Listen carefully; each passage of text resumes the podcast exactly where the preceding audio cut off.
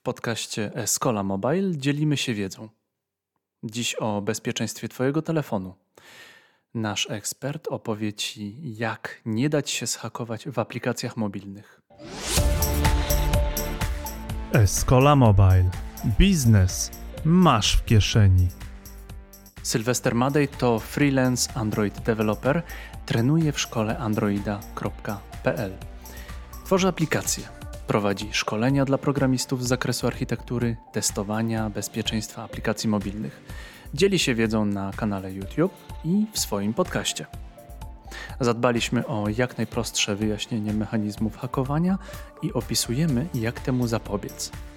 Zwróć uwagę na najczęstszy powód hakowania błahy i popularny.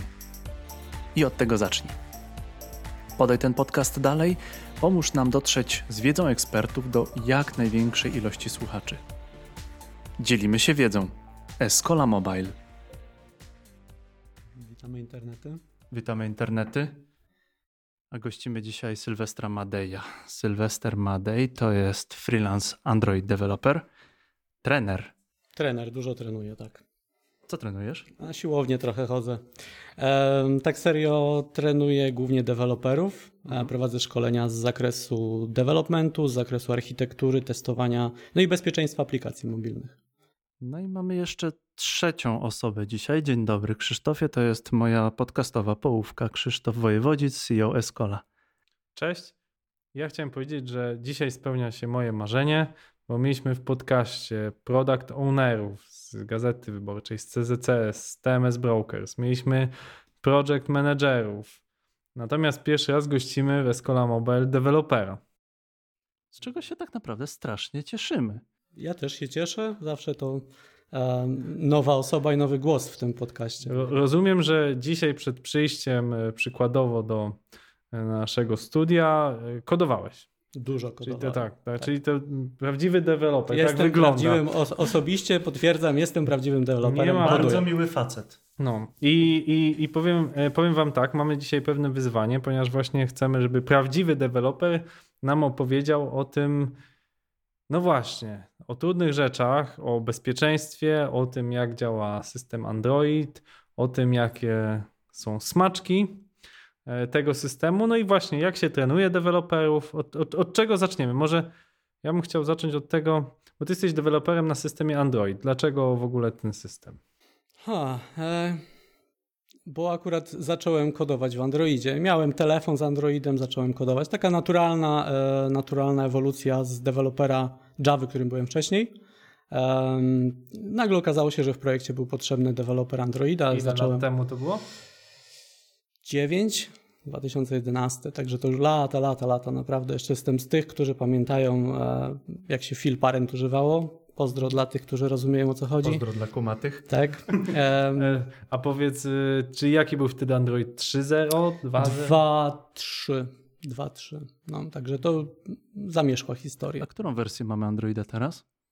E, to zależy, jaki mamy telefon, ale o tym jeszcze porozmawiamy. E, najnowsza oficjalna jest 10, więc Czyli 9 lat, 9 wersji temu. Czyli jest jakaś zasada, że co roku wychodzi mniej więcej nowa wersja. no, to numerowanie u Google'a to jest, to jest rzecz, którą, którą tylko Google wie, dlaczego tak jest. Czasami to są jakieś małe numerki, takie 2, 3, czasami to się robi nagle z dziewiątki, dziesiątka.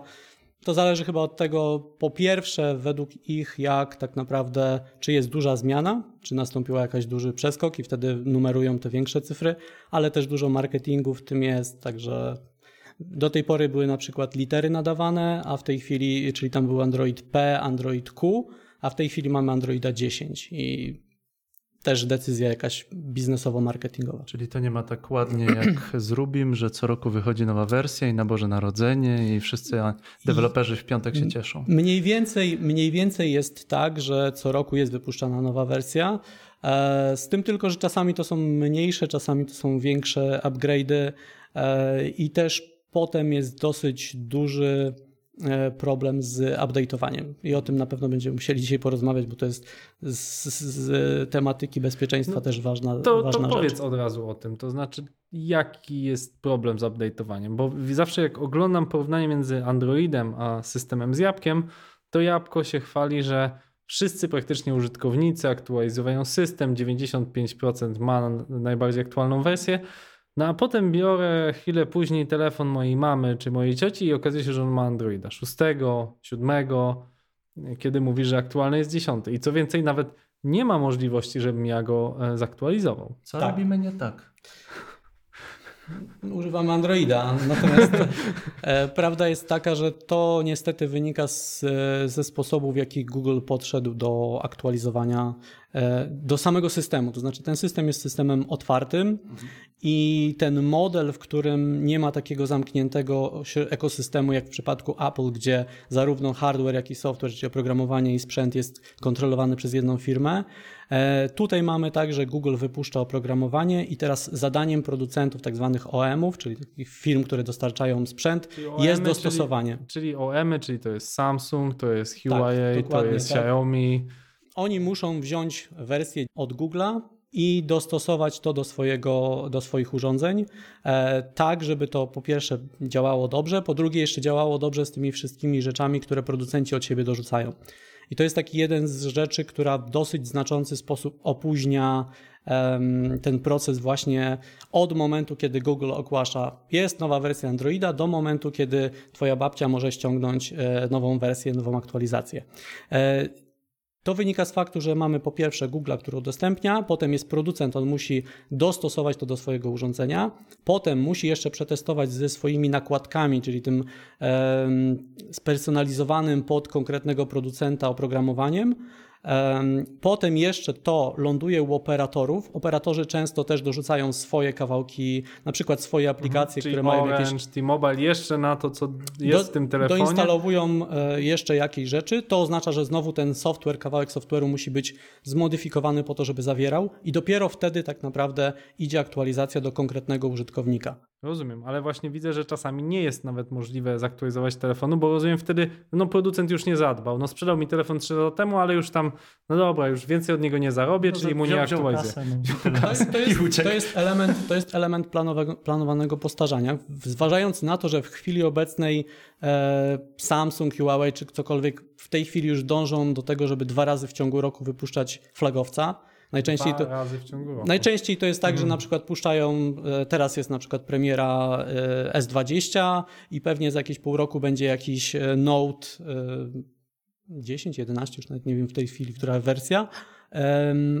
Po to, żeby właśnie napędzać cały czas ruch, tak? gdzie użytkownicy, którzy jeszcze dwa lata temu kupili e, urządzenie, które w, tej chwili mamy już tak wysoki poziom wydajności tych urządzeń, że ciężko sobie wyobrazić zastosowania, w których te urządzenia e, nie byłyby w stanie wyrobić, tak? nie byłyby w stanie mieć wystarczającej mocy, pamięci i tak dalej, żeby realizować te zadania.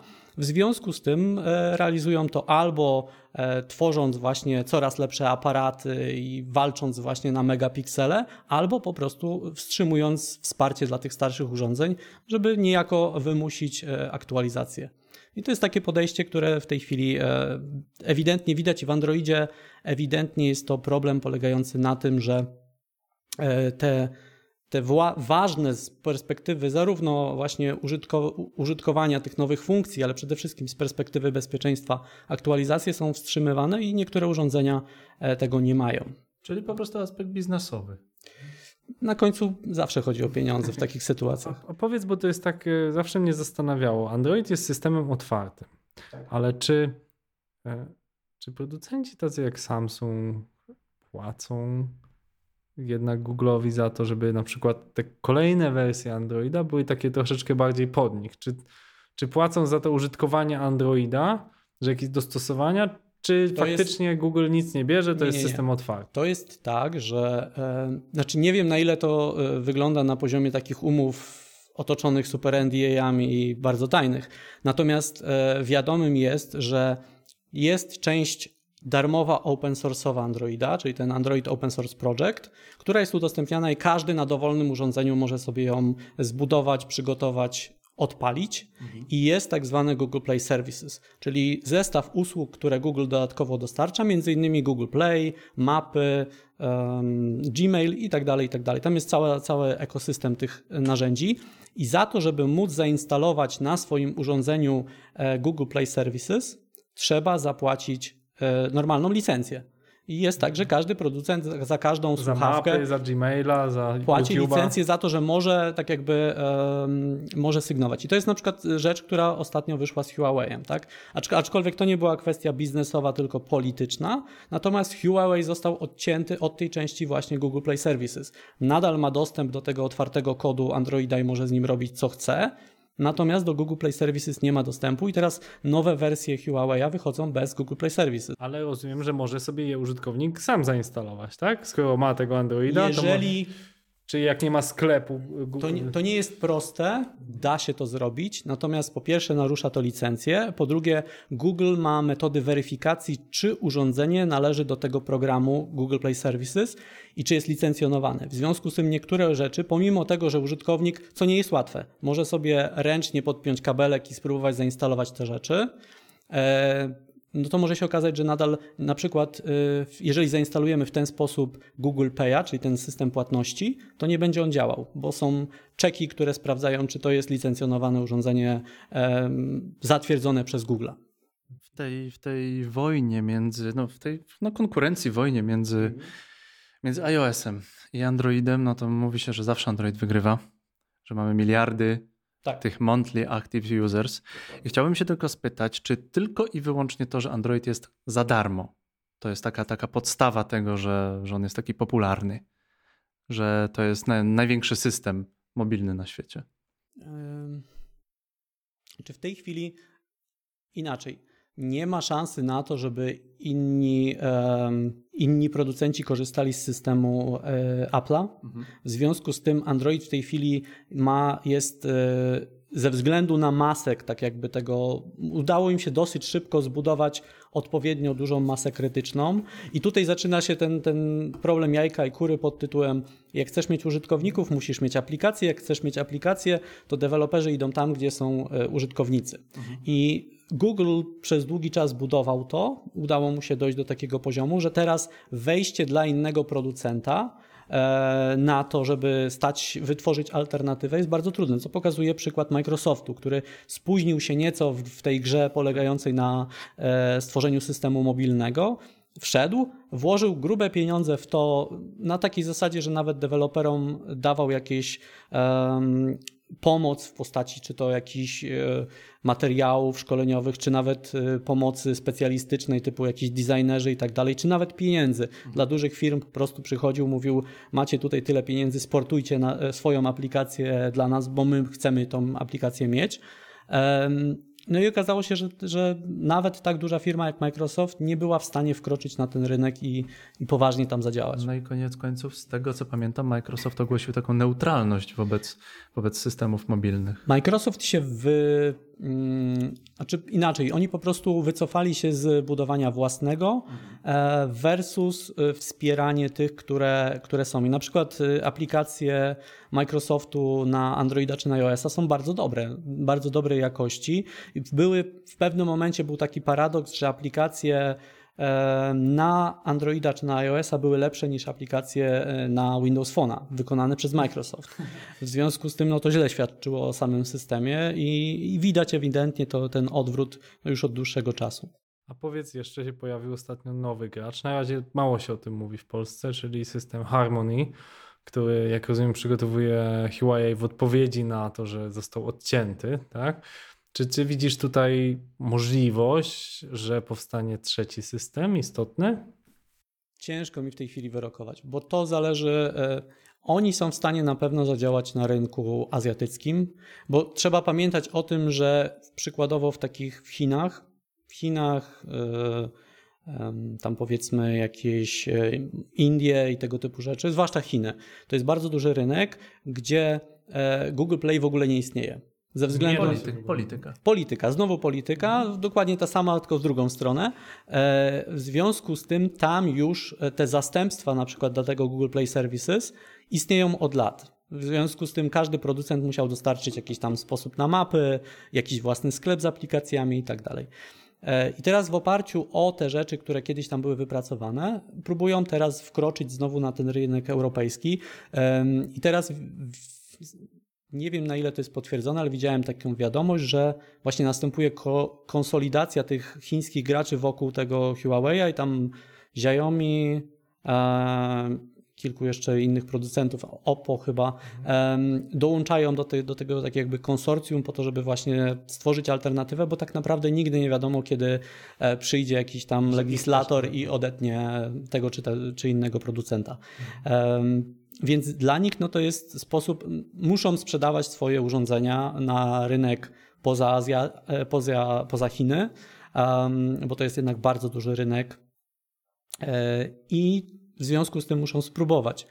Nie wiem, na ile to jest, e, na ile faktycznie dla nas, Europejczyków, czy, czy też globalnie to będzie, będzie alternatywa na przykład dla Androida czy iOS-a. Czyli na razie dążymy mniej więcej do takiego układu, że jest Android światowy, Android chiński. Trochę tak. Trochę, trochę tak. tak. Trochę tak. I, I teraz... rynki, rynki, są w którymś momencie chyba równorzędne w, w jakimś stopniu. Mm, z jednej strony tak, aczkolwiek z drugiej strony trzeba pamiętać, że e, Chiny są dużym rynkiem, ale na pewno nie tak bogatym per osoba. Jak Stany Zjednoczone. Tak, na przykład jak Stany czy zachodnia Europa. Tak? W związku z tym zysk z pojedynczego użytkownika to się powoli tam wyrównuje, natomiast nadal to jest jeszcze, e, jeszcze dosyć duża różnica, więc to, że ktoś ma, nie wiem, 300-500 milionów użytkowników w Chinach, to nie jest do, do końca to samo, co jakby miał e, całą Amerykę. Tak? Mhm. Ja bym chciał trochę przejść do tematów bezpieczeństwa, ponieważ e, tutaj jest to coś, czym się spe specjalizujesz. Zacznę od takiego dosyć trywialnego pytania, czy, czy Android jest uważany za system bezpieczny? Bo się mówi, że ten Apple to jest po prostu ludzie go kupują, bo jest bezpiecznie, bo nie ma wirusów. Wścieka, bo nie można go zhakować. Tak, a, a jak to jest z tym Androidem? Czy Android na przykład jest już bezpieczny w tych nowych wersjach, czy faktycznie jest dziurawy jak ser szwajcarski? Nie, no już ostatnie wersje, powiedzmy dziewiątka, dziesiątka są relatywnie bezpieczne. Znaczy są bezpieczne, ok.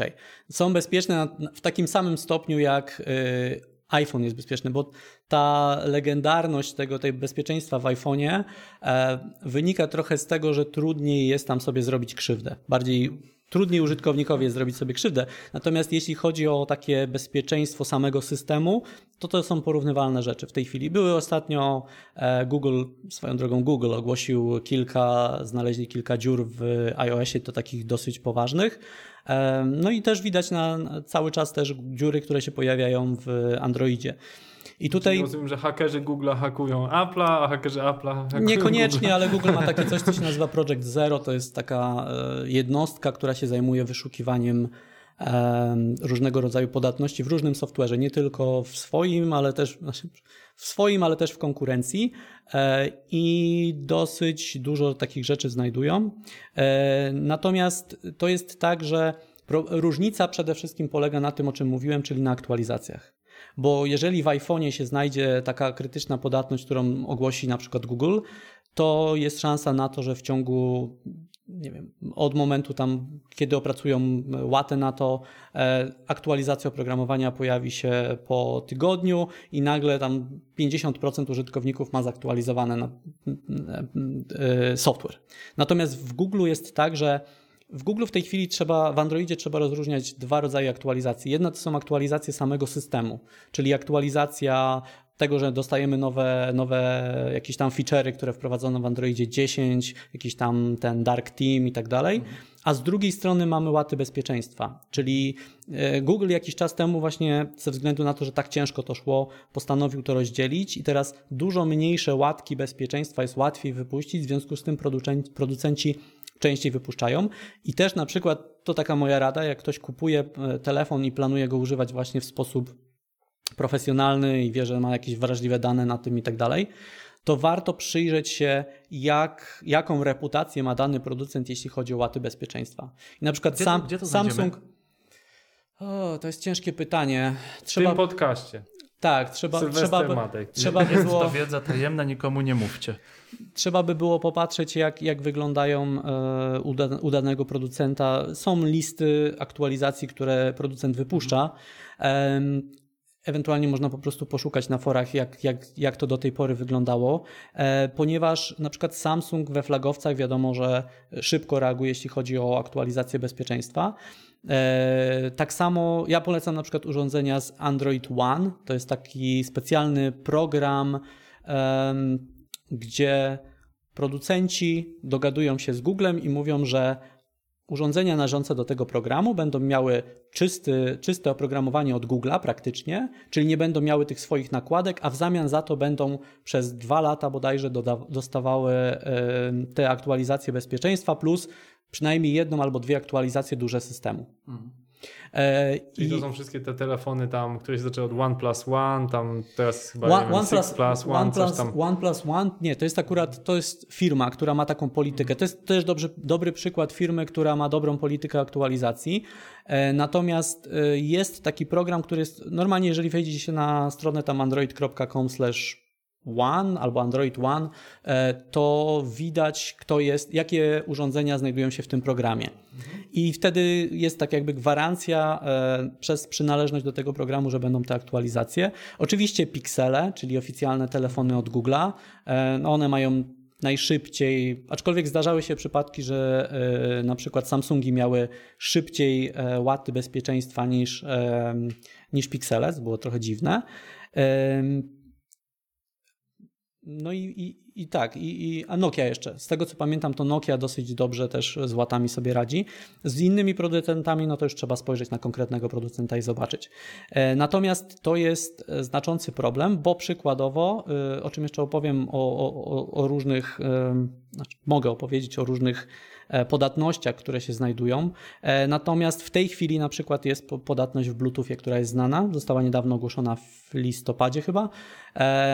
I teraz wyszła łatka e, z aktualizacjami z lutego. No i teraz pytanie, kto ma aktualizację z lut- z lutego? Ja czasami na szkoleniach, mm, zwłaszcza tych z bezpieczeństwa, pytam się właśnie, ok, jakie masz urządzenie, jaką masz wersję systemu i z, z którego dnia masz e, aktualizację, czy z którego miesiąca.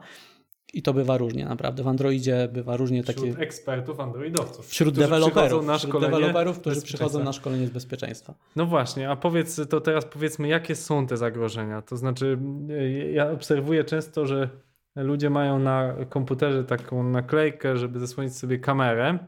Natomiast y, szczerze mówiąc, i, i niedawno Piotr Konieczny z Niebezpiecznika mówił, że to nie jest konieczne, bo aż tak nas nie podglądają. Natomiast, że warto zobaczyć, czy mamy naklejkę na telefonie i czy na przykład właśnie co jest niebezpieczne, czy nas podglądają, czy nas hakują właśnie przez Bluetooth, czy jakie są takie najważniejsze obszary niebezpieczeństwa w tej chwili. Czy trzeba rozważyć dwie rzeczy? Po pierwsze, to są dziury w systemie. I to są dziury w systemie, e, przykładowo, podam dwa albo trzy przykłady.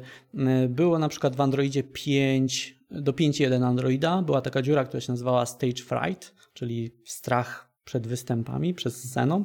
Em, polegająca na tym, że jak ktoś wysłał, to był ogólnie y, błąd polegający na tym, że jak się odpowiedni film wysłało na telefon, to była e, to aplikacja, która podglądała te, te filmy, żeby wyświetlić nam podgląd, miała dziurę, która powodowała, że odpowiedni film był w stanie wykonać na nim jakiś kod.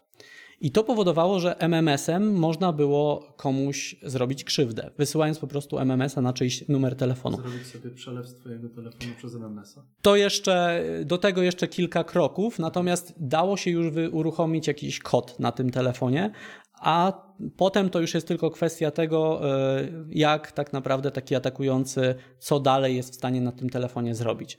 E, Natomiast no to na pewno był punkt wejścia i to taki dosyć znaczący. Także jak ktoś ma Androida 5, to od razu schowajcie do szuflady, wyjmijcie baterię, e, nie polecam. Muszę sprawdzić ten stary Samsung, który mam i który działa mi jako model, mo- modem. Muszę sprawdzić, Po, czy to jest... polecam. Znaczy, tak.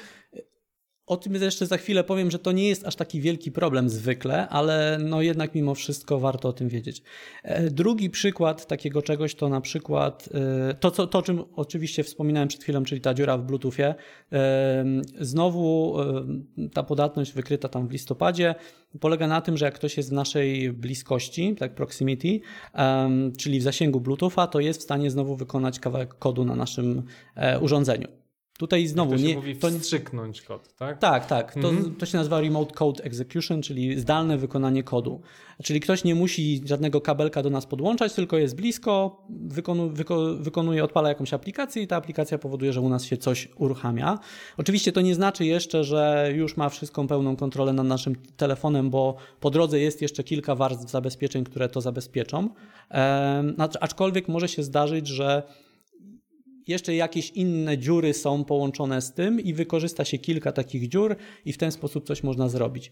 I tutaj e, przechodzę do, do takiego tematu jak Pegasus, taki temat, który jeszcze niedawno był dosyć w Polsce nośny medialnie e, i między innymi okazało się w lipcu chyba zeszłego roku, że w Androidzie istniała podatność przez wiele lat, e, którą wykorzystywał właśnie ten, ta izraelska firma, która robiła Pegasusa. Może dla tych, którzy pominęli ten temat, Pegasus to był taki um, Trojan, czyli taki, taki sposób na zarządzanie zdalne bez wiedzy użytkownika, jego albo podsłuchiwanie rzeczy, które on tam wykonuje na telefonie. Um, I to było coś, co było sprzedawane rządom. Czyli rządy płaciły licencje, dosłownie płaciły licencje za e, poszczególne urządzenia. Na przykład chcę zhakować 10 telefonów jakichś tam decydentów, którzy y, źle współpracują z rządem albo, Ale chcesz albo cokolwiek. Że, że można było z imienia i nazwiska nazwać, na przykład chciałbym zhakować Angelę Merkel. E, no oczywiście trzeba było się dowiedzieć, e, nie, to inaczej. To był sposób na to, żeby na telefonie Angeli Merkel e, zainstalować, natomiast żeby to nastąpiło, to trzeba było tą Angelę Merkel ściągnąć na przykład na jakąś specjalnie spreparowaną stronę. Mhm. Czyli trzeba było wysłać... Na tak, Die Welt. Na przykład Die Welt slash Angela Merkel, tak. E, zwykle to, jest, to są tak zwane e, celowane ataki, czyli ktoś przygotowuje bardzo dobry na przykład mail mówiący Angela, to jest briefing z ostatniego posiedzenia, musisz to Rada zobaczyć, Europy, bo tak. tak i, Tamten i, powiedział. I, I wtedy to wtedy na zasadzie takiej, że taki bardzo wiarygodny mail, na przykład ktoś wchodzi w linka, ten link otwiera jakąś stronę, e, stronę i była właśnie podatność, którą można było wykorzystać, że przeglądarka odpalała jakiś kawałek kodu, ten kawałek kodu, akurat w Pegasusie był używany między innymi taka podatność, która powodowała, że można było dostać roota, czyli tak jakby admina, administratora, super uprawnienia na tym urządzeniu i zrobić już totalnie wszystko, co się chciało, między innymi właśnie zainstalować, żeby na przykład e, jakieś aplikacje, która będzie odsłuchiwała ci kamerę czy coś w tym stylu. I Natomiast raz streszczając, wystarczy, że ktoś odwiedził określoną stronę, my go motywujemy, żeby tą właśnie odwiedził i masz dostęp praktycznie no, pełny do, do ruta, do tego tak. telefonu. Tak. I, i, I co więcej, rozumiem, że rządy płaciły, żeby tak się działo. Mieliśmy taki przypadek e, kilka lat temu, że jeden taki złotousty e, polityk pojechał do Chin i tam właśnie dostał podobny telefon i jeszcze nawet przyjechał do Polski, się nim chwalił i dzwonił z niego, używał. No póki, póki to nie doszło do do dziennikarzy, no to był bardzo zadowolony z tego tak, telefonu, tak, że właśnie Chińczycy taki genialny telefon Ogólnie z jeżdżeniem, z jeżdżeniem do Chin to jest, to tak jest, e, pomijając kwestie teraz epidemiologiczne, to jest tak, że faktycznie trzeba, zwłaszcza osoby, które mają jakieś poważne stanowiska, powinny uważać na to, gdzie zostawiają urządzenia, na przykład komu dają, bo może się okazać, że na przykład, nie wiem, ładowarka może być niebezpieczna, tak? E, albo ktoś po prostu może dostać fizyczny dostęp do naszego urządzenia, bo zostawimy i wejdzie sprzątać sprzątaczkę. To jest tak zwany atak evil mate, czyli zła, zła sprzątaczka. To nie jest ten, zła pokojówka. Ten, nie dochodzimy, widzisz, mówimy teraz o rzeczach technologicznych, a ja mam wrażenie, że dosyć często ta, do takich ataków dochodzi przez gapiostwo, przez nieuwagę, I to jest, przez to, że jesteś taka środka. I to, jest, I to jest właśnie to, o czym chciałem powiedzieć. Czyli ja tu pokazałem teraz, że Pegasusy potrafią przejmować nam zdalnie telefony. Prawda jest taka, że to jest dla przeciętnego Kowalskiego, nawet dla Kowalskiego, który zajmuje jakąś tam ważną funkcję, jest małe zagrożenie, bo mimo wszystko licencja na Pegasusa kosztowała kilkadziesiąt albo kilkaset tysięcy dolarów za każdą osobę, którą śledzimy. Więc to nie było coś, co się, nie wiem, całe społeczeństwo nie, siedziło. żona męża. Tak, raczej, raczej nie, nie w tą stronę. E, w związku z tym dużo większa jest szansa na to. Oczywiście warto mieć aktualizację bezpieczeństwa, bo nie wiadomo, kiedy ktoś spróbuje jakiegoś takiego ataku. Nawet mała szansa, że targetowanego na nas, że celowanego konkretnie w nas, ale jest duża szansa, że ktoś będzie po prostu sprawdzał, czy ktoś w okolicy nie ma podatnego urządzenia. Tak? Są skanery w internecie, które co kilkadziesiąt sekund przeszukują cały internet w poszukiwaniu urządzeń, które mają jakieś dziury. Jest takie coś, co się nazywa Shodan, to jest taka wyszukiwarka, gdzie sobie po prostu w Google, jak w Google wpisujemy, znajdź mi urządzenie, które ma, jest tego typu i ma taką podatność z taką wersją systemu na przykład. W związku z tym jest szansa, że rykoszetem dostaniemy w jakiejś takiej dużej akcji, jeżeli mamy jakąś bardzo popularną dziurę, którą łatwo jest wykorzystać, ale dużo większa jest szansa na to, że będzie to przez naszą nieświadomość, przez nasze gapiostwo, albo przez to, że e, nie stosujemy się do takich podstawowych zasad higieny, tak jakby jeśli chodzi o korzystanie z, z urządzeń, tak? To daj prostą radę BHP obchodzenia się z komórką, żebyśmy nie stracili oszczędności. Jest kilka rzeczy. Po pierwsze i najważniejsze, absolutnie najważniejsze, e, to jest coś takiego jak w Androidzie to jest rzecz, która właśnie dlatego y, iOS jest bezpieczniejszy, bo w iOSie nie ma takiej możliwości, o ile się nie zacznie hakować, tak? hakować samemu urządzenia. E, w Androidzie jest możliwość instalowania aplikacji spoza zaufanych źródeł. Mhm. Zwykle zaufane źródła to jest Google Play, ale na przykład Samsung ma też własny sklep y, i tak dalej, i tak dalej. To są rozumiane jako e, sklepy e, dystrybutorów. I tam te, te, aplikacje są w jakiś tam sposób sprawdzane. Są różne zabezpieczenia, żeby to sprawdzić. Natomiast jest szansa na to, że można sobie wejść w ustawienia, to jest bardzo proste, odbezpieczyć właśnie te zaufane źródła i w tym momencie można dowolny plik pobrany z internetu zainstalować na Androidzie. Co jest z jednej strony fajne, bo mogę, jeżeli komuś na przykład daję dostęp do aplikacji, nad którą współpracujemy, to ja po prostu wyślę plik APK, czyli ten plik uruchamialny, on sobie zainstaluje i i tyle, i może przetestować to. Natomiast z drugiej strony to oznacza, że e, jeżeli ktoś nie uważa, to ktoś może go namówić do tego, żeby zainstalował sobie coś, czego nie powinien instalować. E, I tutaj przykład takich kampanii, które dosyć często się widzi, to są na przykład kampanie, jakiś czas temu była taka kampania z certyfikatami LTE. To jest oczywiście to jest e, celowane podobnie jak nigeryjskie skamy, tak? Czyli celujemy w ludzi, którzy nie mają świadomości technicznej i próbujemy ich zaatakować po prostu jakiś, robimy jakiś um, fadim, tak, jakiś fair and Mądrze to brzmi, certyfikat LTE. Tak, tak. Próbujemy ich po prostu wystraszyć, mówiąc e, twój, to było mniej więcej wyglądało w ten sposób, że przychodził SMS, twój certyfikat LTE niedługo wygaśnie, e, wejdź tutaj na link, żeby zainstalować, wchodzimy, klikamy w link, otwiera się strona, na tej stronie jest pełna instrukcja, jak wyłączy, włączyć sobie niezaufane źródła, jak pobrać plik, jak go zainstalować i potem jeszcze zatwierdzić na przykład uprawnienia. I to, jest, I to jest, to są już rzeczy, które są bardzo na dużą skalę robione, tak? No bo to znowu jak spam musi uderzyć w setki, tysiące, tysiące, miliony nawet osób, żeby N z tych osób e, załapało, ale wysłanie SMS-a do, do takiej osoby albo wysłanie maila jest zwykle tanie. W związku z tym robi się tego bardzo dużo i liczy się na to, że jakiś procent tych osób e, kliknie w to. I to jest jedna rzecz.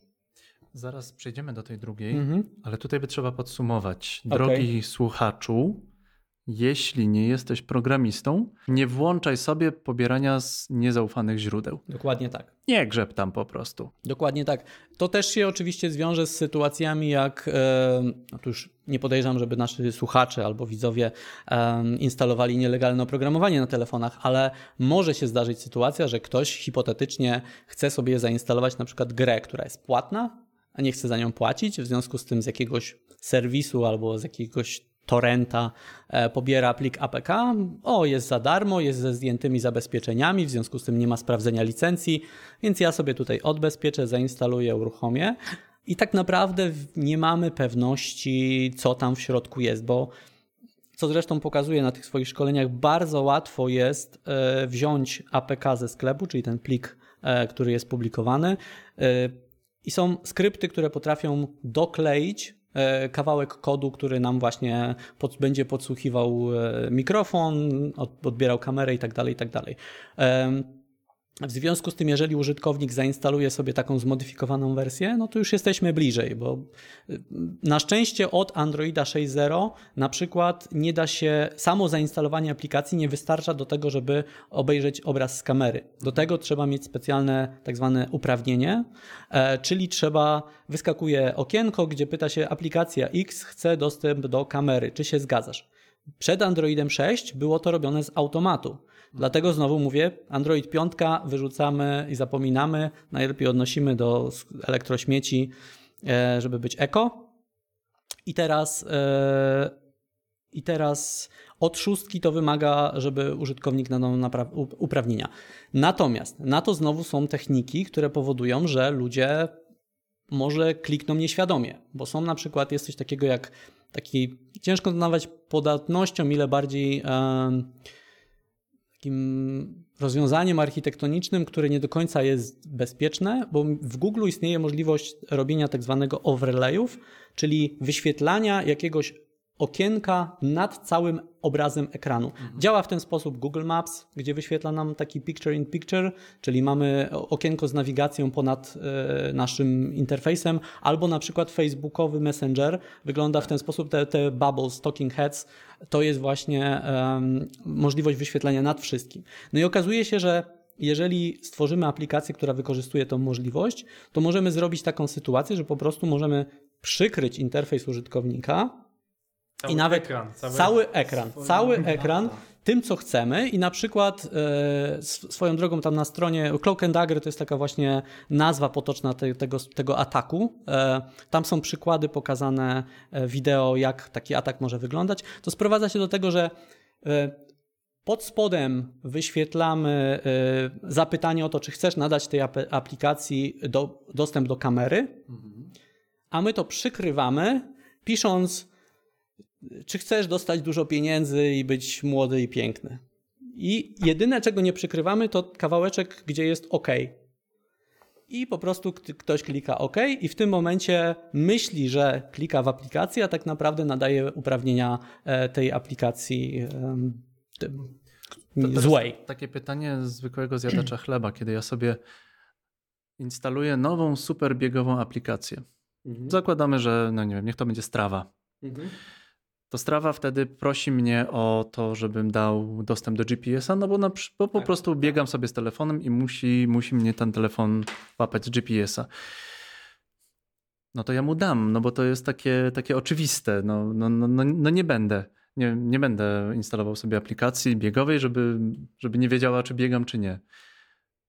Bardzo dużo ludzi robi to na automacie to, to działa tak. Natomiast wcześniej działało to jeszcze bardziej, bo w Androidzie 5 jedyne co, to podczas instalacji z Google Play albo z, z zewnątrz e, pojawiał się po prostu ekranik mówiący teraz nadajesz te uprawnienia, mhm. taka lista, e, tej aplikacji, którą instalujesz. OK, OK, OK i jest. Teraz od szóstki to się zmieniło na tyle, że chociaż E, te mm, pop-upy są kontekstowe, tak? Jeżeli, i to jest druga, druga rada, czyli nie, nie klikajmy, e, nie nadawajmy uprawnień, jeżeli w danym momencie ta aplikacja, czyli jak latarka prosi Was o dostęp do kamery, to to jest raczej podejrzane.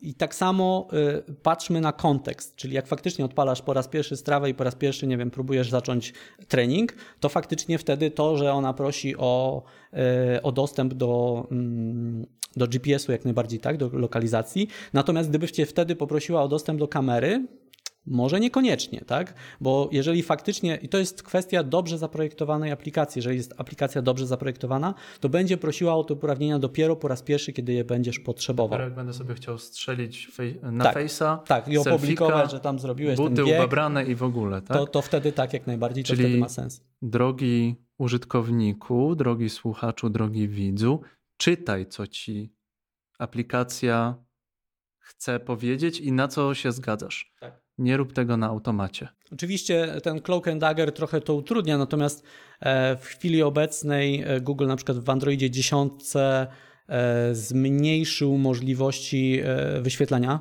Tam są na przykład ograniczenia czasowe, przez ile, przez ileś sekund od uruchomienia aplikacji można takie rzeczy robić, tak? czyli wyświetlać te, to uprawnienie, ewentualnie jakieś systemowe aplikacje mają do tego uprawnienie, żeby wyświetlać nad innymi aplikacjami, no bo faktycznie jak się popatrzy, to znakomita większość tych trojanów, e, czyli tych aplikacji, których zadaniem jest głównie udawanie aplikacji bankowych po to, żeby wyciągnąć od nas pieniądze, wykorzystuje właśnie e, taki typ ataku, gdzie e, jest instalowana, potem próbuje zyskać większe uprawnienia e, i potem już zaczyna robić różne rzeczy. Tam są różne sposoby na to, że na przykład jeżeli aplikacja jest zainstalowana i ma odpowiednie uprawnienia, to może próbować w momencie, kiedy przychodzi nasz SMS, jeżeli ma uprawnienie do nasłuchiwania na SMS-y, to może e, podsłuchiwać te SMS-y, tak? I wtedy de facto cały atak, to, i to już jeżeli już mamy uprawnienie do SMS-ów, e, plus zainstalowaną aplikację właśnie taką e, złą, tak? Taki, taki malware, to w tej chwili atak wygląda mniej więcej tak, że ta aplikacja wyświetla ekran łudząco przypominający ekran logowania do naszej aplikacji bankowej, a jest w stanie sprawdzić, jakie aplikacje bankowe mamy zainstalowane. I to wygląda w ten sposób, że takie, takie trojany mają w w swoim kodzie zaszyte na przykład 20-30 ekranów logowania z różnych aplikacji bankowych, po to, żeby w zależności od tego, jaki masz na telefonie, no bo gdybyś miał bank, ING, to tak? dziwiłbyś się, gdyby wyskoczył ci nagle ekran logowania do mBanku, ale gdy już masz mBank i wykryje, że masz mBank zainstalowany, to jak ci wyskoczy ekran logowania do mBanku, to się zdziwisz, ale może wpiszesz, tak? I potem wystarczy tylko, że przyjdzie szybko, wykorzysta te dane, które wprowadziłeś do zalogowania się na ciebie, przyjdzie ci potwierdzenie przelewu, to potwierdzenie przelewu przejmie, wyśle do, do atakującego i w ten sposób można wykonać przelew. Teraz przyszło mi pytanie. Od wielu lat jesteśmy uczeni, że jak się logujesz do banku przez desktop, przez laptop, przez jakiś tam komputer. Nie wpisuj całego hasła. Nie wpisuj całego hasła, ale najpierw sprawdź, czy jest y, w polu, w polu adresu jest e, kłódka, jest. To się trochę zmienia, ponieważ e, wcześniej to było tak, że założenie było e, bo tu chodzi o HTTPS, tak. tak? czyli tę bezpieczną wersję komunikacji przez sieć. I tutaj przez długi czas było tak, że był podział na strony, tak jakby strony takie zwykłe, których bezpieczeństwo nie odgrywało roli i one były serwowane po zwykłym HTTP, mhm. nieszyfrowanym i były te HTTPS, tak? Natomiast od gdzieś to dwóch lat jest bardzo mocna akcja e, twórców przeglądarek e, i jest taka organizacja, która się nazywa, znaczy organizacja, taki projekt, który nazywa się Let's Encrypt, mhm. który udostępnia za darmo te certyfikaty SSL. Mhm. Czyli te certyfikaty, które pozwalają, bo do tej pory było problem, że jak masz zwykłego bloga, to musiałbyś zainwestować kilkadziesiąt złotych żeby, e, rocznie, żeby dostać certyfikat i móc dodać tą swoją kudeczkę. Tak? Natomiast w tej chwili jest tak, że ten Let's Encrypt daje to za darmo Wystarczy tylko potwierdzić, że tak, ta domena należy do mnie, proszę, to jest certyfikat dla tej domeny.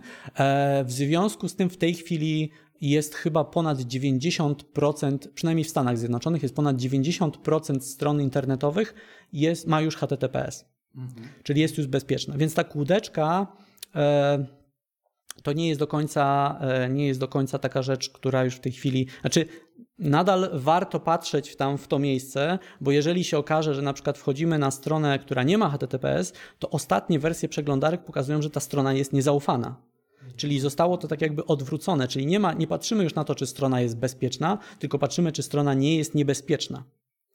I mogą być dwie sytuacje, albo mamy sytuację, gdzie po prostu ktoś nadal serwuje po HTTP, czyli bez szyfrowania, i wtedy wszystkie dane, które lecą po inter... Y, komunikujemy się z serwerem, może ktoś po drodze podejrzeć, na przykład operator komórkowy y, albo ktoś, kto jest właścicielem kawiarenki internetu, y, tym kawia, kawia, hotspota w kawiarni, mhm. tak? I on może potencjalnie słuchać cały ruch, który jest nieszyfrowany. Albo druga sytuacja jest taka, że okaże się, że ta kłódka jest przekreślona, czyli to odbywa się po HTTPS-ie, ale certyfikat nie jest zaufany. To znaczy, że prawdopodobnie ktoś po drodze słucha. Mhm. I tego nie chcemy i, I tego, zdecy tego zdecydowanie nie chcemy i tego zdecydowanie się boimy. I wiesz, mhm. tutaj mówimy teraz o webowych rzeczach, tak? A jak to jest w mobilu? No to jest no właśnie, pro... bo nie mamy kłódeczki na aplikacji. Więc tak, ja mam tak, aplikację. Tak. Skąd mamy wierzyć? Banku. Tak, skąd mamy wierzyć, że aplikacja mBanku jest naprawdę bezpieczna. Jeżeli ufamy bank, bankowi i wiemy, że pobraliśmy tą wersję, tą aplikację banku z bezpiecznego źródła, to tak jakby ufamy, ufamy bankowi, tak? Tak, ale była taka sytuacja głośna, że e, Bank Santander tak, tak. E, przez chwilę jakiś deweloper, no haker, stworzył aplikację, która udawała, ludzie wierzyli, instalowali ją i tam udostępniali swoje dane. Jak się przed tym zabezpieczyć? Mm, no trzeba patrzeć, y, no to jest, to, na to prostego, prostej odpowiedzi nie ma, bo to jest tak naprawdę takie to podszywanie się. Nie? To jest podszywanie się, to jest taki spoofing i to powinno być wychwycone przez Google i zresztą jest wychwytywane po jakimś czasie, aczkolwiek istnieje to okno czasowe pomiędzy wrzuceniem a momentem, kiedy, e, kiedy ta aplikacja tak, funkcjonuje. Chyba, chyba radą byłoby, no bo można się spodziewać, że taka aplikacja ta oszukana ma tylko kilka tysięcy pobrań, no a pewnie aplikacja banku Santander, banku ma no przynajmniej milion pobrań i to można łatwo Są zobaczyć. dwa sposoby na to. Y, pierwszy to po pierwsze, jeżeli aplikacja ma bardzo dużo pobrań, to jest dużo większa szansa, że jest oficjalna. E, a druga sprawa to warto na przykład instalować taką aplikację poprzez wejście z linku ze strony banku. Mhm. Czyli wtedy możemy sobie kółdeczką potwierdzić, że weszliśmy na stronę mBanku, ING czy czegokolwiek i wejść na stronę, znaleźć link do aplikacji mobilnej i wtedy zostaniemy przekierowani bezpośrednio do sklepu, do oficjalnej aplikacji. Wtedy możemy sobie I wtedy mamy już ze sklepu zainstalować nawet tak. na komórce. Tak. Tak, nawet, nawet z desktopa możemy sobie na komórkę to zainstalować. Nawet z desktopa możemy na komórkę, jeżeli jesteśmy zalogowani tym samym kontem Gmail, którym używamy na telefonie. Mhm. I to jest rozwiązanie. A właśnie chciałem zapytać, bo modne jest, nie wiem jak teraz, na desktopie instalowanie tych programów typu antywirus, tak? Mamy ich mhm. trochę. I na komórkach oczywiście też się pojawiły, operatorzy też zarabiają na tym pieniądze. Ja przedłużam, akurat mam telefon w Orange, przedłużam e, umowę i oni, że tam instalujemy panu za 5 zł miesięcznie antywirus. Ja mówię, że nie chcę, więc oczywiście pan na infolinii mówi cichym głosem, że no ja nie muszę, no zrezygnujemy, tak. I wtedy nie będę płacił tych 5 zł. No i to takie typowe zabiegi są, no ale czy tak naprawdę komuś jest potrzebny antywirus na, na Androidzie? Moim zdaniem jest. I to tu jest kilka rzeczy, bo on może nie zabezpieczyć przed takimi właśnie akcjami, gdzie użytkownik sam sobie na siłę chce zrobić krzywdę, aczkolwiek jest szansa, że pewną część tych e, na przykład typowych jakichś trojanów jest w stanie wychwycić, ale też e, często jest tak, że na przykład e, ataki w przeglądarkach internetowych, takie polegające na przykład na tym, że, że jesteśmy gdzieś przekierowywani na jakieś dziwne strony albo gdzie przykładowo może się zdarzyć taka sytuacja, nie, nie, każdy o tym wie, że jeżeli jesteśmy na telefonie i mamy, polecam wyłączyć wszystkie usługi premium, e, pójść do operatora i wyłączyć wszystkie usługi premium, czyli tam WAP premium, SMS premium i tak dalej, bo jest mała, no chyba, że lubimy brać udział w konkursach e, Voice of Poland albo cokolwiek. Natomiast y, jest szansa na to, że wejście na odpowiednio spreparowaną, znaczy na odpowiednią stronę, która e, z operatorem ma dogadaną umowę, powoduje nam naliczenie kosztów. To jest taka usługa, która Za była. wejście. Tak, to, była, to jest usługa, która była przewidziana do tego, żeby e, robić strony premium, tak? Takie strony, gdzie ktoś wchodzi. To zresztą kiedyś się wykorzystywało, jak były wszystkie te wapowe, jakieś tam melodyjki się pobierało i tak dalej. Wchodziło się na stronę i płaciło się za to, że się weszło na stronę. Natomiast e, w tej chwili no, sprowadza się do tego, że są nadal takie e, firmy, które mają po prostu przygotowane specjalne strony i ściągają ludzi poprzez znowu jakieś tam reklamy, które e, zwodzą, że tam, nie wiem, super odchudzanie albo jakieś tam kremy na coś albo cokolwiek. Klikniemy, wchodzimy na stronę i jeżeli mamy włączone te usługi, to jest szansa na to, że nam e, operator nas charge'uje za to. I wtedy na, na rachunku pojawi się dodatkowe 20-30 zł na przykład.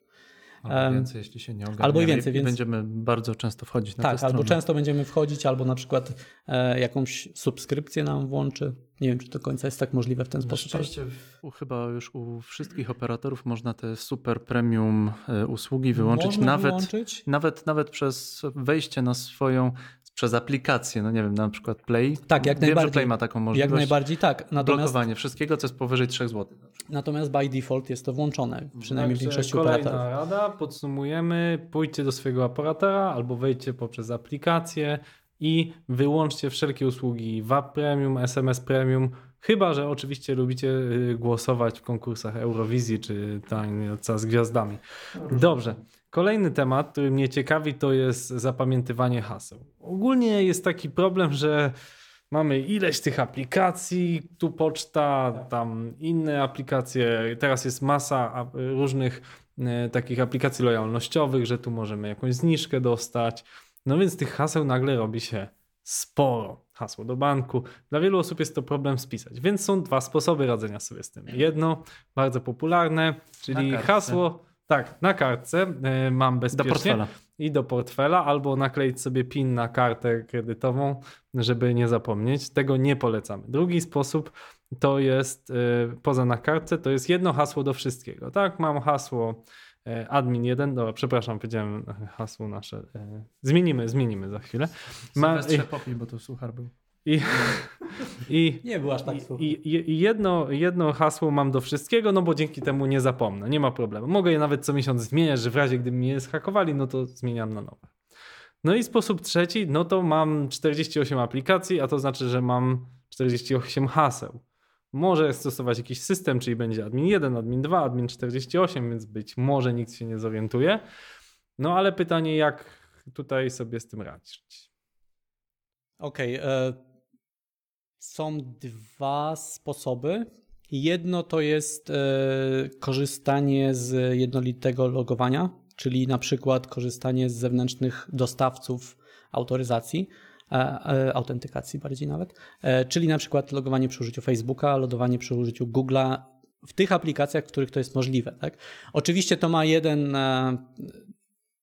Zaleta jest taka, że nie musimy pamiętać hasła poza pamiętaniem hasła do Facebooka na przykład, ale zwykle i tak Facebooka mamy aplikację albo stronę zalogowaną. Natomiast e, wada jest tego rozwiązania taka, że Facebook i Google wiedzą, gdzie się logujemy. Totalnie, wiedzą o I wiedzą 30 totalnie wszystko, wszystko, co tam się dzieje, kiedy się logowaliśmy, jak, jakie rzeczy tam. em, no może nie, nie jakie rzeczy tam robiliśmy, bo to już w ramach, Ale już poza kiedy się logujemy Tak. na jakie strony. Jest jeszcze jeden aspekt. Tam ten mój komputer czy mój telefon, to, to, to ja się muszę zalogować. Jak to dam żonie, dziewczynie i ona się w tym momencie zaloguje jako Jędrzej Paulus na, na jakąś inną aplikację, to wtedy też jest to dosyć niebezpieczne, bo mimo tej, nie wiem, blis bliskości w rodzinie, no to w takim razie w tym, w tym momencie to, to ja się zalogowałem, a nie żona, dziewczyna, córka, No tak, synek. jest zalogowany No ale to jest tak. błąd, że oddajesz komuś telefon, tak? No, albo że nie ufasz, albo nie.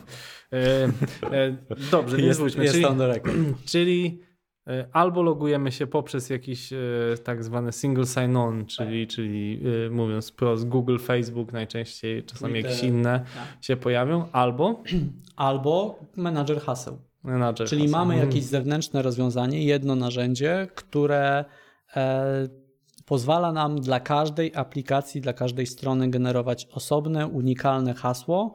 Em, I to ma wiele, wiele e, tak naprawdę zastosowań. To, to jest w ogóle e, takie podejście, które jest bardzo zalecane, ponieważ trochę w tej chwili zmieniły się, zmieniły się takie zasady, które do, dotychczas były polecane. Czyli na przykład było jeszcze niedawno i w wielu firmach to nadal obowiązuje, że co miesiąc trzeba zmienić hasło, co miało totalnie odwrotny, y, odwrotny efekt do zamierzonego. Czyli na przykład ludzie wymyślali sobie podstawowe hasło i dodawali miesiąc, albo dodawali jakąś cyferkę na końcu, albo coś w tym stylu. E, I, I to powodowało, że no de facto, jeżeli już odkrył ktoś e, to, to podstawowe hasło, to był w stanie wy- wywnioskować na różnych serwisach, e, na różnych serwisach te, te, na przykład.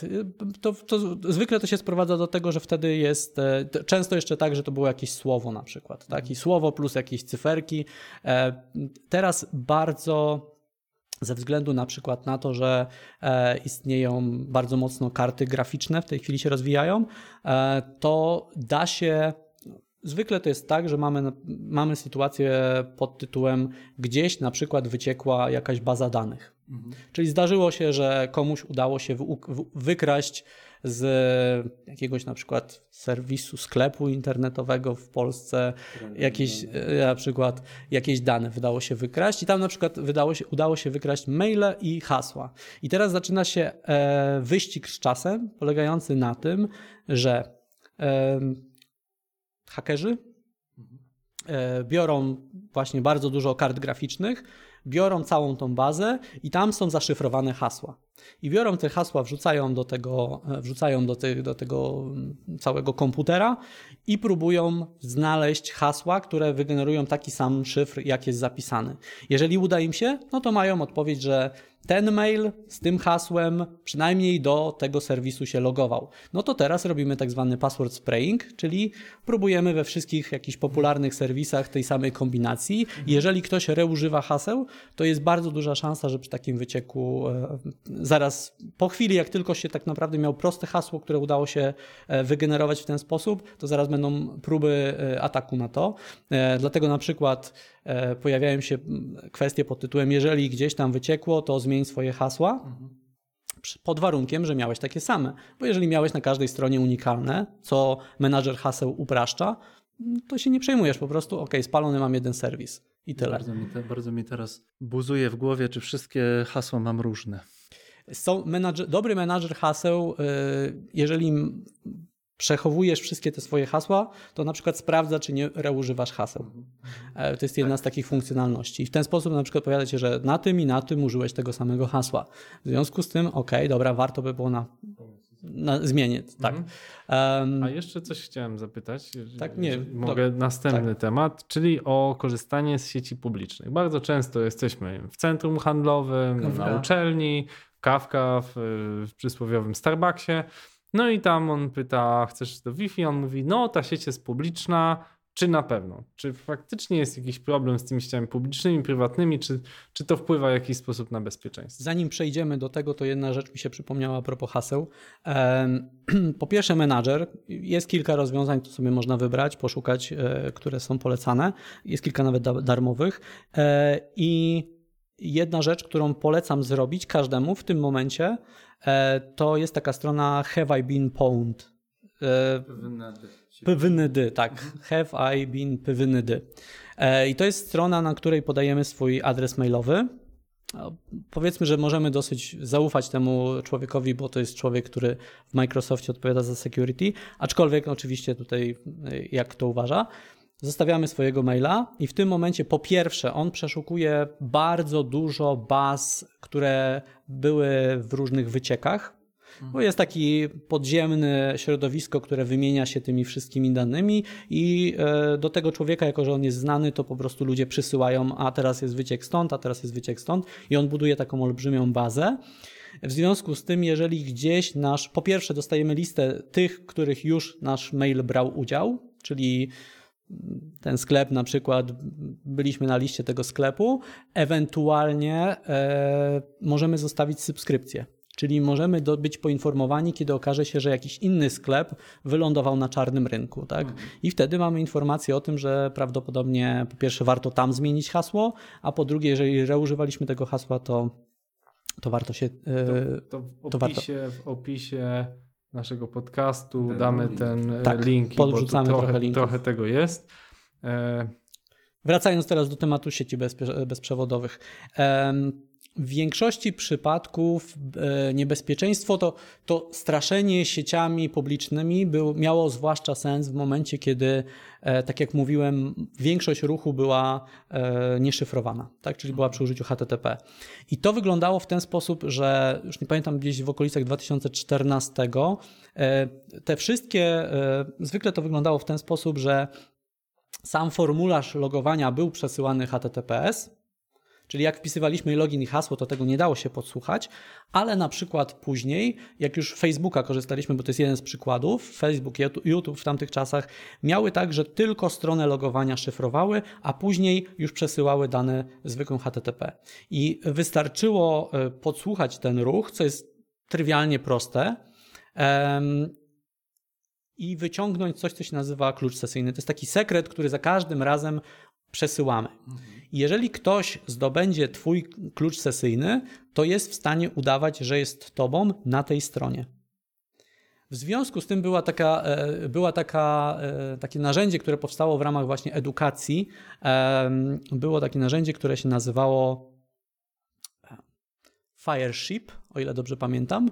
To było e, plugin do Firefoxa, rozszerzenie do Firefoxa, które jak się było zalogowanym w sieci właśnie e, takiej sieci otwartej, e, po prostu pozwalało kliknąć jeden przycisk i zobaczyć wszystkie sesje z różnych aplikacji, które latają plaintextem. Można by na przykład było zobaczyć, o, chcę zalogować się na tego użytkownika na, na YouTube'a, YouTube'a albo na Face'a. Klikaliśmy i w tym momencie logowało nas w tym Facebooku, e, w tym Firefoxie logowało nas.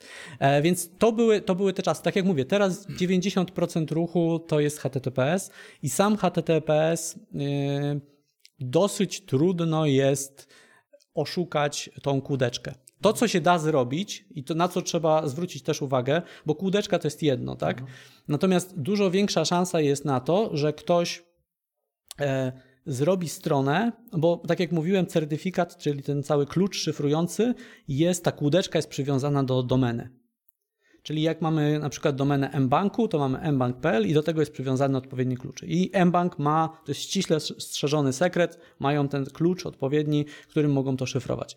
Natomiast da się przy użyciu na przykład Let's Encrypta, czyli tej domeny do generowania kluczy, da się na przykład zarejestrować domenę, która będzie wyglądała jak mbank, bo na przykład będzie miała mbonk, albo, albo używała jakichś dziwnych znaków z jakichś dziwnych języków, które wyglądają podobnie do naszych, jakiś tam tajski, y, cyrylica, niektóre litery z cyrylicy wyglądają jak polskie i tak dalej, jak łacina e, i tak dalej. Rejestrujemy taką domenę, uderzamy do Let's Encrypta, on mówi OK, jesteś w stanie potwierdzić, że to twoja domena, więc proszę, to jest certyfikat. I w tym momencie jesteśmy w stanie zrobić kółdeczkę, coś co wygląda jak mbank, tylko że to jest mbonk i w tym momencie, e, jest, jeżeli jesteśmy w stanie namówić kogoś wysyłając na przykład właśnie maila, tak, e, wysyłając maila na to, żeby kliknął i wszedł na tą stronę, no to, to jesteśmy, to jako, że to my mamy ten klucz szyfrujący, to cała komunikacja e, przechodzi przez nas i my ją podsłuchujemy. Tak? W związku z tym tam się pojawiają opcje pod tytułem, no możemy próbować na przykład podsłuchać Twój login i hasło do mBanku. Chciałbym jeszcze zadać pytanie, do Mbonku. Mbonku, do Mbonku, przepraszam, tak, do Mbonku. Jeżeli ktoś wpisuje do Mbonku dane do Mbanku, no to już jego wina. Tak. Chciałbym jeszcze zadać pytanie, te, te rady, które dajesz, one, się, one znajdują zastosowanie no tak naprawdę wszędzie, gdzie, gdzie się logujemy, gdzie staramy się e, w jakiś sposób no, korzystać, czy to z mobile, czy to z desktopa. Jestem w pracy i mam telefon y, pracowy, mam, mam telefon pracowniczy. Tam mam na przykład menedżera haseł, niektóre menedżery haseł mają hasła przechowywane lokalnie, inne w chmurze. No to któremu w tym momencie menedżerowi haseł mam, e, mam zaufać? To jest pierwsze pytanie. I drugie pytanie, czy są jakieś specyficzne rady, które dałbyś mi jako pracownikowi, jak mhm. się nie dać schakować w Androidzie? Okej. Okay, um, jeśli chodzi o wybór to, czy ma być, e, czy ma przechowywać w chmurze, czy przechowywać lokalnie, Tutaj e, jest kwestia wybrania pomiędzy wygodą mhm. a bezpieczeństwem. Mhm. Czyli oczywiście najlepiej, gdyby ten plik z, e, z hasłami e, leżał tylko u nas na urządzeniu, I tutaj to taka mała dygresja, ale czasami widzi się taką naśmiewanie się, że ktoś na przykład są książeczki z hasłami, takie notatniczki na hasła. Tak. O, ho, ho, kto to wymyślił, kto to będzie używał. Prawda jest taka, że jeżeli taki notatniczek wpisujemy faktycznie za każdym razem losowe hasło i trzymamy go w sejfie u siebie w domu, to to jest taka samo bezpieczeństwo jak menadżer haseł, albo i większe. Tylko niewygodne. Tylko, że niewygodne, tak, ale ale to jak najbardziej jest e, rozwiązanie, które, mm, które jest w jakimś tam stopniu poprawne.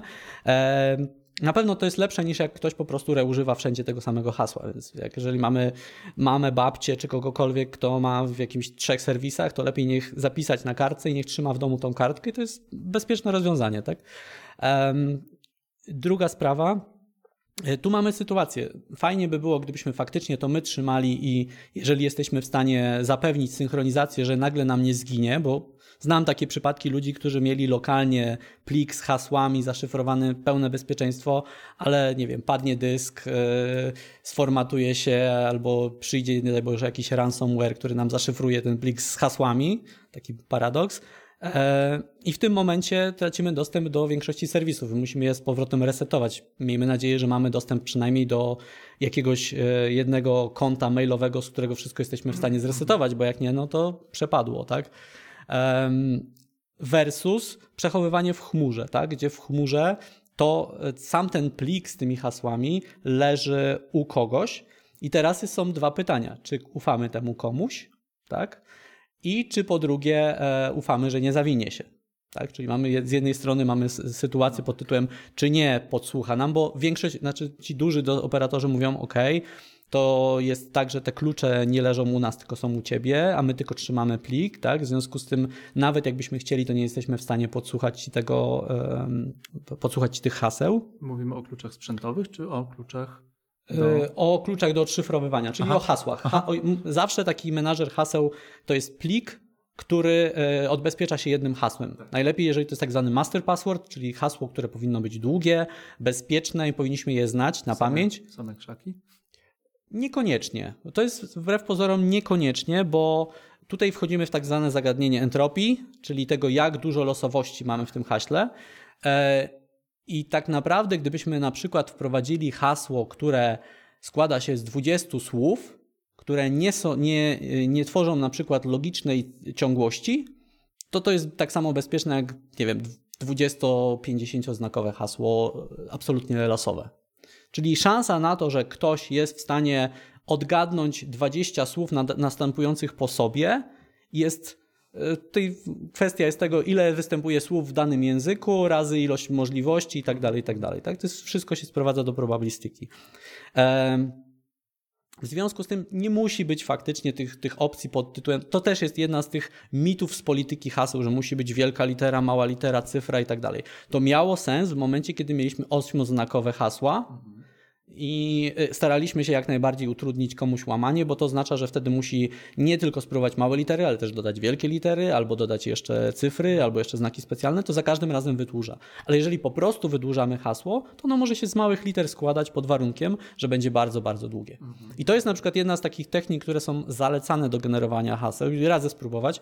E, polega na tym, że e, bierzemy sobie 5, 6, 8, tutaj już zależnie od naszej paranoi, e, no ale powiedzmy przynajmniej pięć, pięć słów o jakiejś takiej normalnej długości i wymyślamy z nich e, historyjkę. Czyli ja mógłbym wziąć na przykład mikrofon, krzesło, tablica, e, gąbka. gąbka, coś tam i muszę ułożyć historię teraz z tego, która tylko dla mnie będzie miała sens. To jest bardzo bezpieczne. Wiem, że bawiłbym się na pewno w dinozaury. To jest... Nie zdradzaj, nie zdradzaj tych, bo zmniejsz, zmniejszyłeś właśnie entropię. No to w delf delfinki, nie wiem. jak sobie radzić, e, jak zmniejszyć możliwość, jakie byś rady dał, e, jak zmniejszyć możliwość zhakowania się w firmie jako pracownikowi? Okay.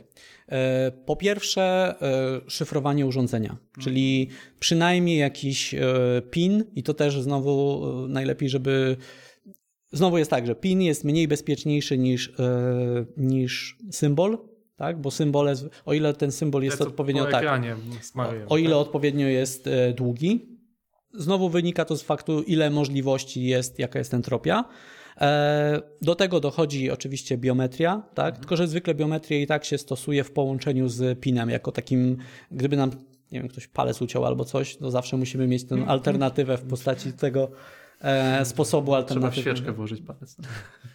Albo nam e... zrobi się śliwa i nie jest w stanie rozpoznać naszej twarzy. Na przykład. Mhm. E, czyli zabezpieczenie urządzenia, bo tutaj są, wchodzą dwie rzeczy. Po pierwsze, jeżeli mamy e, urządzenie firmowe, to tam jakieś dane znajdują się. Jest szansa, że są dane osobowe, wchodzimy w RODO i wchodzimy w różne poważne rzeczy. Były przypadki niedawno chyba na jakiejś uczelni, gdzie po prostu laptop z danymi niezaszyfrowany zaginął. To samo sprowadza się do telefonu. Może się okazać, że trzymamy tam e, jakieś albo podpięte konto na przykład, gdzie mamy jakiegoś drive'a i na ten, ten drive się synchronizuje i zawiera jakieś dane osobowe, albo może być po prostu tak, że trzymamy lokalnie jakieś pliki. To jest je pierwsze, czyli szyfrujemy i zabezpieczamy jakimś tam pinem, żeby się nie zdarzyła sytuacja, gdzie po prostu zostawiamy gdzieś telefon w szatni, ktoś nam bierze ten telefon, odblokowuje Czyli i, znowu, i wyciąga. Nie grać na gapostwo, znowu pilnować się. Też pilnować, no bo, bo wbrew pozorom w tej chwili trudno jest nawet sytuację taką, to, to w Androidzie gdzieś 4 4.1 zdarzało się tak, że można było podpiąć po prostu kabel i wyciągnąć dowolne dane z urządzenia, nawet jak było zablokowane, E, ale w tej chwili w tej chwili e, w tej chwili to się już raczej nie zdarza, bo to wymaga podpięcie do nowego urządzenia, wymaga na przykład potwierdzenia, że tak, to urządzenie może komunikować się.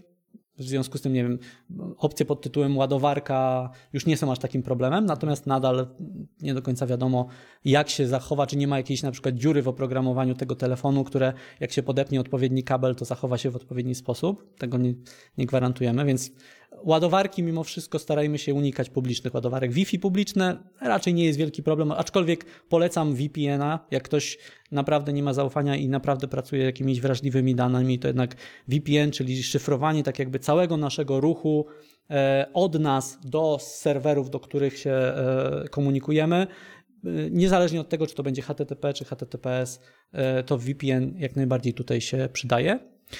Natomiast publiczne ładowarki no niekoniecznie, bo tak naprawdę Czyli nie wiemy. lepiej ze sobą nosić wtedy powerbank. Lepiej tak. Ewentualnie są tak zwane e, przejściówki, takie specjalne, gdzie tak jakby tylko dwa y, zasilające ka- kabelki są wyprowadzone, więc nie ma możliwości jakiejkolwiek komunikacji. E, to też jest jakiś tam sposób. E, To jest jedno, czyli szyfrowanie tych danych. E, Po drugie, no, nie zostawiać tego urządzenia gdzieś. Warto mieć sposób na zdalne zresetowanie i zdalne e, odnalezienie urządzenia. W tej chwili Google już to sam, sam w sobie e, przez system udostępnia, ale też część z tych antywirusów, o których mówiłeś, też ma taką funkcjonalność właśnie, że w razie czego możemy zlokalizować ostatnią lokalizację, gdzie, gdzie jakiś GPS złapał albo jakiś zasięg sieci. E, I jeżeli jest aktualnie podpięte do sieci, to po pierwsze możemy na przykład powiedzieć, żeby zadzwonił, co nam daje możliwość, że jak nam wpadł gdzieś za łóżko, to możemy go znaleźć. Zdarza się i to jest bardzo funkcjonalność użyteczna. Mamo, zadzwoń do mnie, nie mogę znaleźć komórki, tak? Tylko że, tylko, że bez mamy i czasami jest tak, że nawet jak jest ustawiony tryb super cichy, to to tak jakby override'uje, to nadpisuje i możemy w ten sposób wymusić. To jest akurat bardziej przydatna funkcjonalność. I plus do tego, no, jeżeli mamy jakieś wartościowe dane i nie, chcie, nie chcielibyśmy, żeby ktoś nam to jakimś tam próbował odszyfrować, odblokować albo coś, no to wtedy po prostu naciskamy kill switcha i, i wyłączamy takie urządzenie, kasujemy dane. Em, co jeszcze? No na pewno nie instalujemy rzeczy z nieznanych źródeł. To już po raz kolejny wymaga, bo to jest naprawdę jedna z rzeczy, które w Androidzie psują całe, całe jakby security. Um, nie, też nie wchodzimy na strony, mm, na przykład, jeżeli mamy w Google, bo to też jest tak, że w Google wpisujemy na przykład mBank, to może się okazać tak, że ktoś zrobił kampanię polegającą na tym, że płatne reklamy zafundował na górze, gdzie zamiast mBanku jest mBank. I, Znowu patrzeć. I znowu klikamy i może się okazać, że, że nam się to otworzy. Em, Chyba tyle z takich rzeczy, które mi na, przychodzą do głowy od razu. No i chyba będziemy powoli zmierzać do końca. Andrzej, czy mamy jeszcze jakieś pytania? Tak, a czym Sylwester Madej na koniec zajmuje się poza tym, że ma świetną wiedzę o security? Y, Przede wszystkim zajmuję się developmentem, czyli koduję aplikacje, koduję aplikacje, które są bezpieczne, przynajmniej e, staram się bardzo. E, I stąd głównie ta moja wiedza pochodzi, bo ja mam taką wiedzę bardziej nie z, z perspektywy atakującego, tylko właśnie bardziej z perspektywy dewelopera, który, ja to nazywam security aware developer, czyli takiej osoby, która jest świadoma zagrożeń i stara się zabezpieczyć te aplikacje i to między innymi właśnie na szkoleniach pokazuję.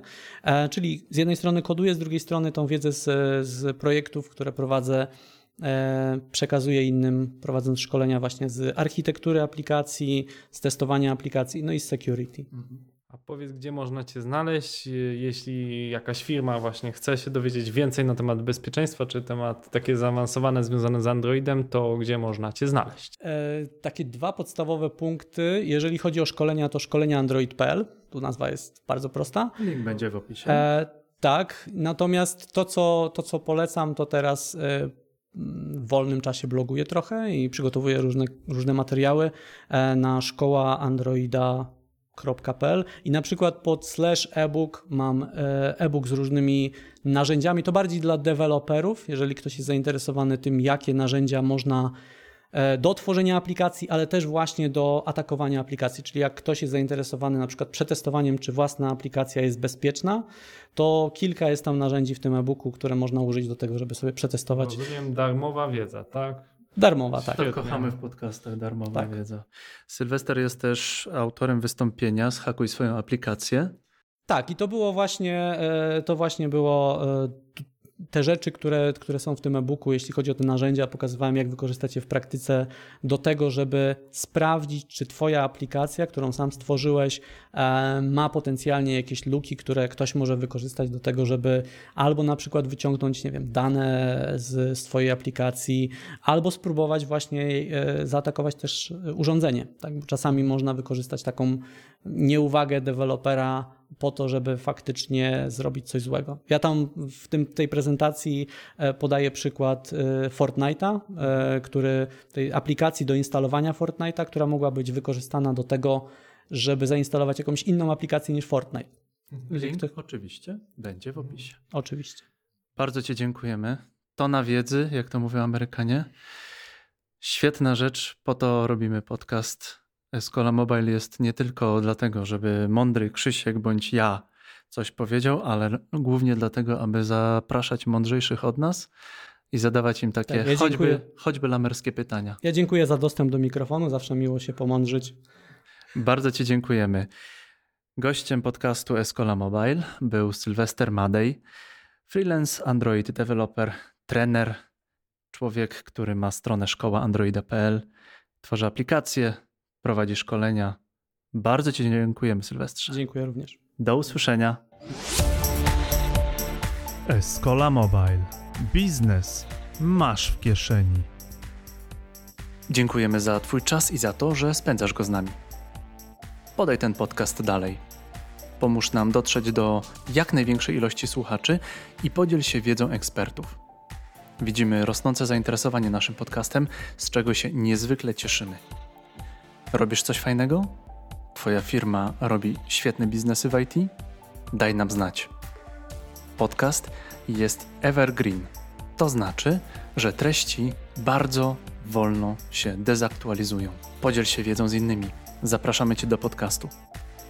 To był 51. odcinek podcastu Escola Mobile. Gościliśmy Sylwestra Madeja, freelance Android dewelopera i trenera w szkole Androida.pl. Do usłyszenia.